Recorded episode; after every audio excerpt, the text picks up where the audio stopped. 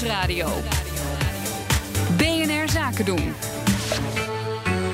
Ondernemersdesk. Een nieuwe biowarmteinstallatie in Utrecht zorgt voor 20% van de warmtevraag in Utrecht en in Nieuwegein. Conor Klerks, jij bent daar een kijkje gaan nemen. Ja, absoluut. Ik had net toch een, uh, een bouwhelm op. Is, uh, bij uh, bij Eneco. Ja, ja, goed hè. Nee, bij Eneco is dat, bij Leidse Rijn in Utrecht. Daar, daar hebben ze een heel grote nieuwe installatie gebouwd. Die hebben ze in het voorjaar zijn ze daarmee gaan proefdraaien. Maar nu sinds een paar dagen draait die echt helemaal volledig. Ze zijn er ook een nieuwe aan het bouwen. Maar wat er eigenlijk gebeurt is, daar komen dus houtsnippers en dat soort dingen. Resthout wordt daar afgeleverd. Er wordt daar verbrand. En dan gaan ze ook nog met die rook gaan ze ook nog dingen uh, afvangen. Dat is in elk geval best wel, uh, best wel gaaf. Want ja, er staat gewoon een enorme hoeveelheid hout in de fik. Ik ben daar uh, gaan kijken. Ik sprak daar met Jan Hakenmulder. Goed dat het niet in Den Haag is, want daar gaat het even mis. Maar goed. ja, klopt. ik sprak daar met Jan Hakenmulder. Hij is lead engineer. En met Kim Vochten van Eneco. Kijk, we staan hier op het voorterrein van de biomassacentrale, waar de vrachtwagens uh, zich gereed maken om te lossen. Als ze terrein opgaan, komen ze via een weegbrug. Die weegbrug is een geautomatiseerde weegbrug met cameraherkenning. Jan Haakmulder, jij bent lead engineer hier, hè? Ja, dat klopt. de vrachtwagen die, krijgt vanaf de weegbrug een dumppit toegewezen. Hij meldt zich bij de dumppit, de dumppit zal openen en hij lost zijn, ja, zijn houterige biomassa in de dumppit.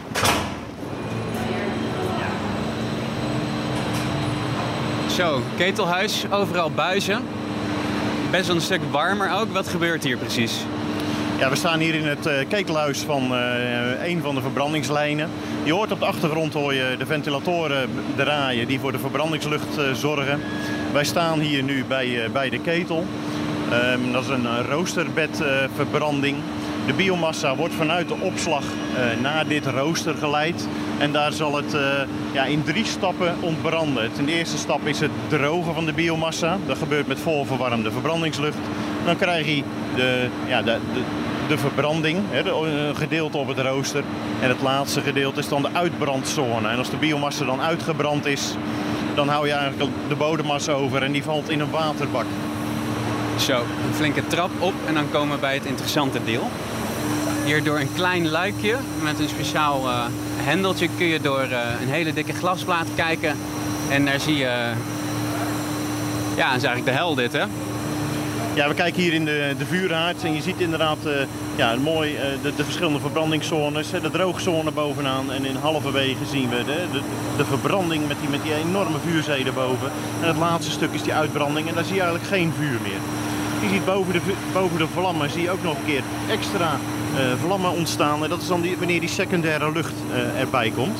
En voor die volledige getrapte verbranding.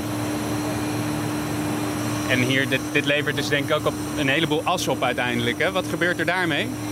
Ja, inderdaad, het levert as op. Hè. Alles wat niet verbrandt, dat, dat wordt uiteindelijk uh, as. En dan, dan heb je het ja, aan zand en gewoon de assen die in, in, ja, in hout zitten. En die worden opgeslagen, die komen hier in de waterbak terecht.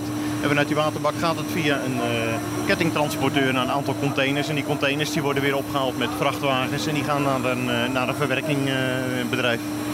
Het, het, loopt in een schuine helling omhoog. Hè? En boven staat het in brand, of in het midden eigenlijk een grote vuurzee. Maar je ziet ook dat, er, dat, dat het vanzelf een beetje verschuift af en toe. Hè? Zit daar een soort lopende band onder? Hoe, hoe werkt dat? Ja, dat heb je inderdaad goed gezien. de helft van het rooster beweegt.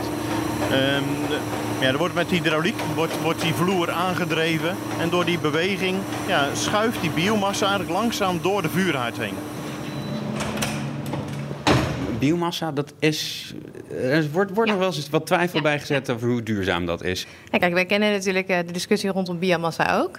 Uh, voor Eneco zijn er twee dingen belangrijk als we biomassa inzetten. Uh, we zetten het alleen in als er op korte termijn geen andere uh, bronnen beschikbaar zijn om een net te verduurzamen. Want we moeten natuurlijk met z'n allen minder gas gaan verbruiken in Nederland. En met deze centrale kunnen we uiteindelijk 40% van de warmtevraag in Utrecht verduurzamen. Nou, dat kan nog niet zo snel met andere bronnen. Uh, en naast dat er geen andere bronnen beschikbaar uh, moeten zijn, kijken we ook heel goed naar de biomassa die we gebruiken. Want biomassa is een verzamelterm. Hè. Wij gebruiken alleen biomassa waar geen andere hoogwaardige toepassing meer voor is. Jan, jullie hebben nu sinds vrijdag uh, hier deze centrale helemaal in werking. Hè? Maar er wordt nog een centrale gebouwd. Wanneer is die af? Ja, eind, uh, eind volgend jaar hopen we die af te hebben. Dat is eigenlijk een identieke installatie uh, die eigenlijk als, als tweelinginstallatie naast elkaar gaat, uh, gaat draaien. Dus eind volgend jaar. Dus dan wordt de energieproductie ook verdubbeld. Ja, klopt. Connor Klerks vanuit Utrecht. De Ondernemersdesk Energie wordt mede mogelijk gemaakt door Enpuls. Enpuls, baanbrekende ideeën voor de energietransitie.